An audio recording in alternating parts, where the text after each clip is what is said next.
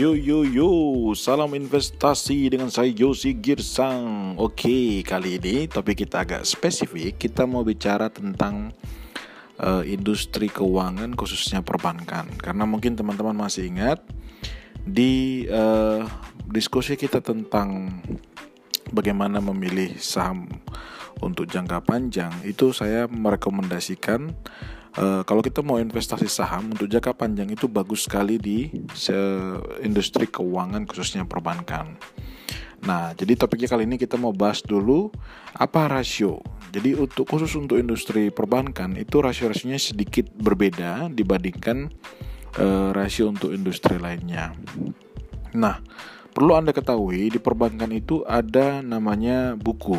Uh, buku itu singkatan dari Bank Umum Kelompok Usaha. Jadi intinya eh, bank-bank yang ada di Indonesia itu dibagi atas empat kelompok usaha atau buku tadi, yang mana itu berdasarkan modal yang dimiliki oleh eh, perbankan tadi, oleh bank tadi. Jadi misalkan buku satu itu adalah bank yang modal intinya kurang dari satu triliun, buku dua antara 1 sampai 5 triliun, buku 3 antara 5 triliun sampai 30 dan buku 4 yang paling tinggi itu adalah yang modalnya di atas 30 triliun. Contohnya misalkan di buku 4 ya bank besar lah yang sering kita temui kantornya di mana-mana seperti BCA, BNI, BRI ya, Mandiri dan mungkin CMB, CAMB Niaga juga masuk. Nah, saya sih menyarankan kalau mau Anda investasi coba fokus di uh, bank buku 4 ini. Jadi pilihannya sudah uh, lebih sedikit lagi lah, kurang lebih begitu.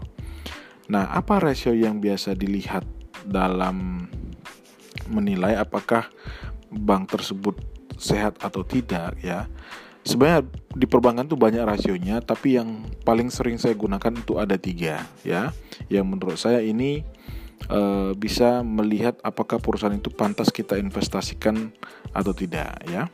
Nah, yang pertama rasio pertama adalah NIM atau net interest margin.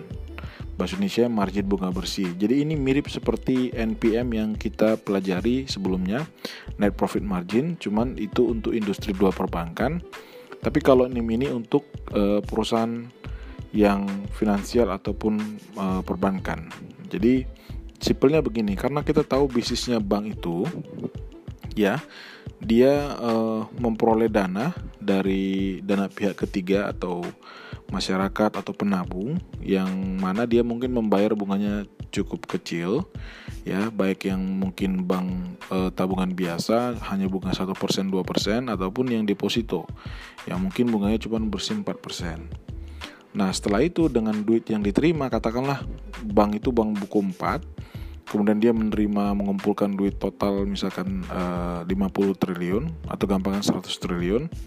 Kemudian nanti duit 100 triliun ini diberikan pinjaman kepada para nasabahnya ya. Dalam bentuk uh, misalkan kredit rumah atau kredit mobil atau pinjaman kepada juga dunia usaha UKM atau mungkin perusahaan-perusahaan. Nah ketika bank tersebut memberikan pinjaman tentu dia akan memperoleh yang namanya bunga return Nah, dan juga dia harus membayarkan tadi return kepada penabung-penabungnya sehingga selisih antara return yang diperoleh dari memberikan kredit kepada nasabahnya ataupun membayarkan bunga dari deposito ataupun penabungnya itulah yang disebut dengan net interest margin. Nah, biasanya jadi semakin tinggi eh, NIM suatu bank berarti itu menyatakan bahwa bank tersebut baik gitu. Nah, perlu Anda ketahui bahwa sampai di semester 2 eh sorry semester 1 2019 rata-rata NIM bank perbankan Indonesia itu sekitar 4,9 persen. Jadi saran saya carilah perusahaan pastikan karena itu rata-rata tentu ada yang di atas 4,9 persen. Carilah perusahaan yang NIM-nya di atas 4,9%. Nah, bagaimana kita memperoleh rasio-rasio ini? Biasanya rasio seperti NIM itu tidak kita hitung lagi, tapi langsung kita dapatkan di uh, laporan atau biasanya presentasi um, quarterly ataupun annual dari perusahaan.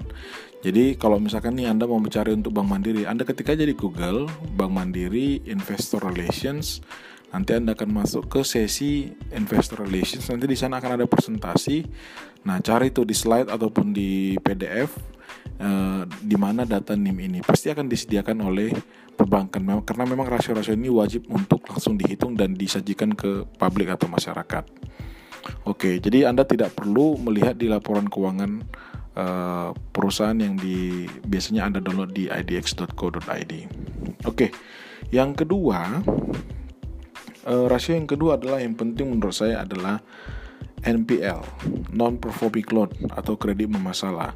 Karena apa? Karena itu salah satu indikator untuk melihat kesehatan sebuah bank, ya.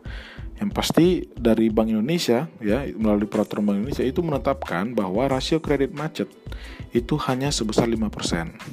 Jadi kredit macet itu misalkan kalau tadi yang bank tadi sudah memperoleh dana dari penabung 100 triliun, kemudian disalurkan hampir 95%, dia 95 triliun. Nah, dari yang disalurkan itu tuh ada yang gagal bayar. Nah, itu yang disebut dengan kredit macet. Nah, NPL sendiri ada dua jenis. Ada NPL kotor sama ada NPL bersih. Apa yang disebut dengan NPL kotor, apa yang disebut dengan NPL bersih? Ya. Intinya kalau bicara tentang NPL kotor, eh, kredit itu ternyata ada tingkatannya, ada tingkatan 1, 2, 3, 4, 5. Jadi misalkan kalau kredit eh, disebut dengan kategori 1 itu lancar ya. Kategori 2 itu mulai ada tunggakan 1 sampai 90 hari. Ke, kemudian eh, kredit di kategori 3 itu ada tunggakan 91 sampai 120 hari atau kurang lancar. Kemudian kategori 4 ada tunggakan 121 sampai 180 hari. Jadi sudah hampir 6 bulan. Nah, lebih dari 6 bulan itu masuk kategori 5, itu yang disebut dengan macet.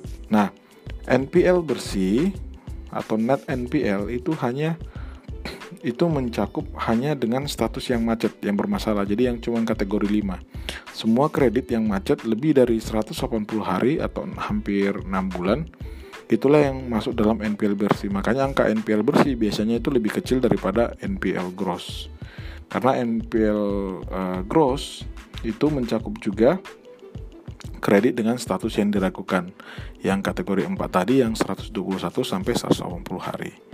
Nah, sebaiknya NPL ini angkanya semakin kecil semakin bagus. Dari data per uh, semester 1 2019 ya NPL di Indonesia di perbankan Indonesia itu kurang lebih angkanya di angka 2,55 ya jadi carilah mungkin perusahaan yang di bawah 2,55 persen. Kalau anda mau tahu berapa NPL seluruh bank di Indonesia berapa NIM seluruh bank Indonesia anda bisa masuk ke websitenya ojk.co.id nanti di sana akan ada infografis statistik perbankan di Indonesia uh, hampir setiap bulannya. Oke rasio yang ketiga ya terakhir ya. Atau ketiga yang saya lihat biasanya adalah eh, LDR atau loan to deposit ratio. Jadi dari istilahnya sendiri berarti kan loan pinjaman dibagi dengan deposit. Jadi uh, deposito ataupun tabungan yang disetorkan oleh uh, apa penabung ya atau pemberi de orang yang mau ngambil deposito di bank ya. Jadi LDR ini rasio mengukur kemampuan bank untuk memenuhi kewajiban kewajiban jangka pendek ya dan itu dibagi dengan total kredit terhadap uh, dana pihak ketiga yang didepositkan di bank tersebut. Jadi misalkan kayak tadi yang saya bilang ada uh, para pemberi deposito atau penabung memasukkan 100 triliun, kemudian kalau disalurkan eh, ke KPR sebesar 95 triliun berarti LDR dari perbankan tersebut atau bank tersebut adalah 95%. Nah, ini juga harus hati-hati karena apa? Kalau misalkan angkanya di bawah 85% dan di atas 97% contohnya gitu ya 95 sampai 97% itu hati-hati. Karena apa? Kalau dia di bawah eh, 85% artinya kreditnya tidak tersalurkan. Nah kalau dia di atas 95% atau 97% bisa jadi eh, jumlah kredit yang diberikan jauh lebih besar dibandingkan dengan apa? Dibandingkan dengan deposito yang e, diterima oleh perbankan tersebut. Jadi level ini pun harus dijaga. Amannya biasanya saya ambil adalah di angka 85 sampai 95 atau 97 masih oke. Okay.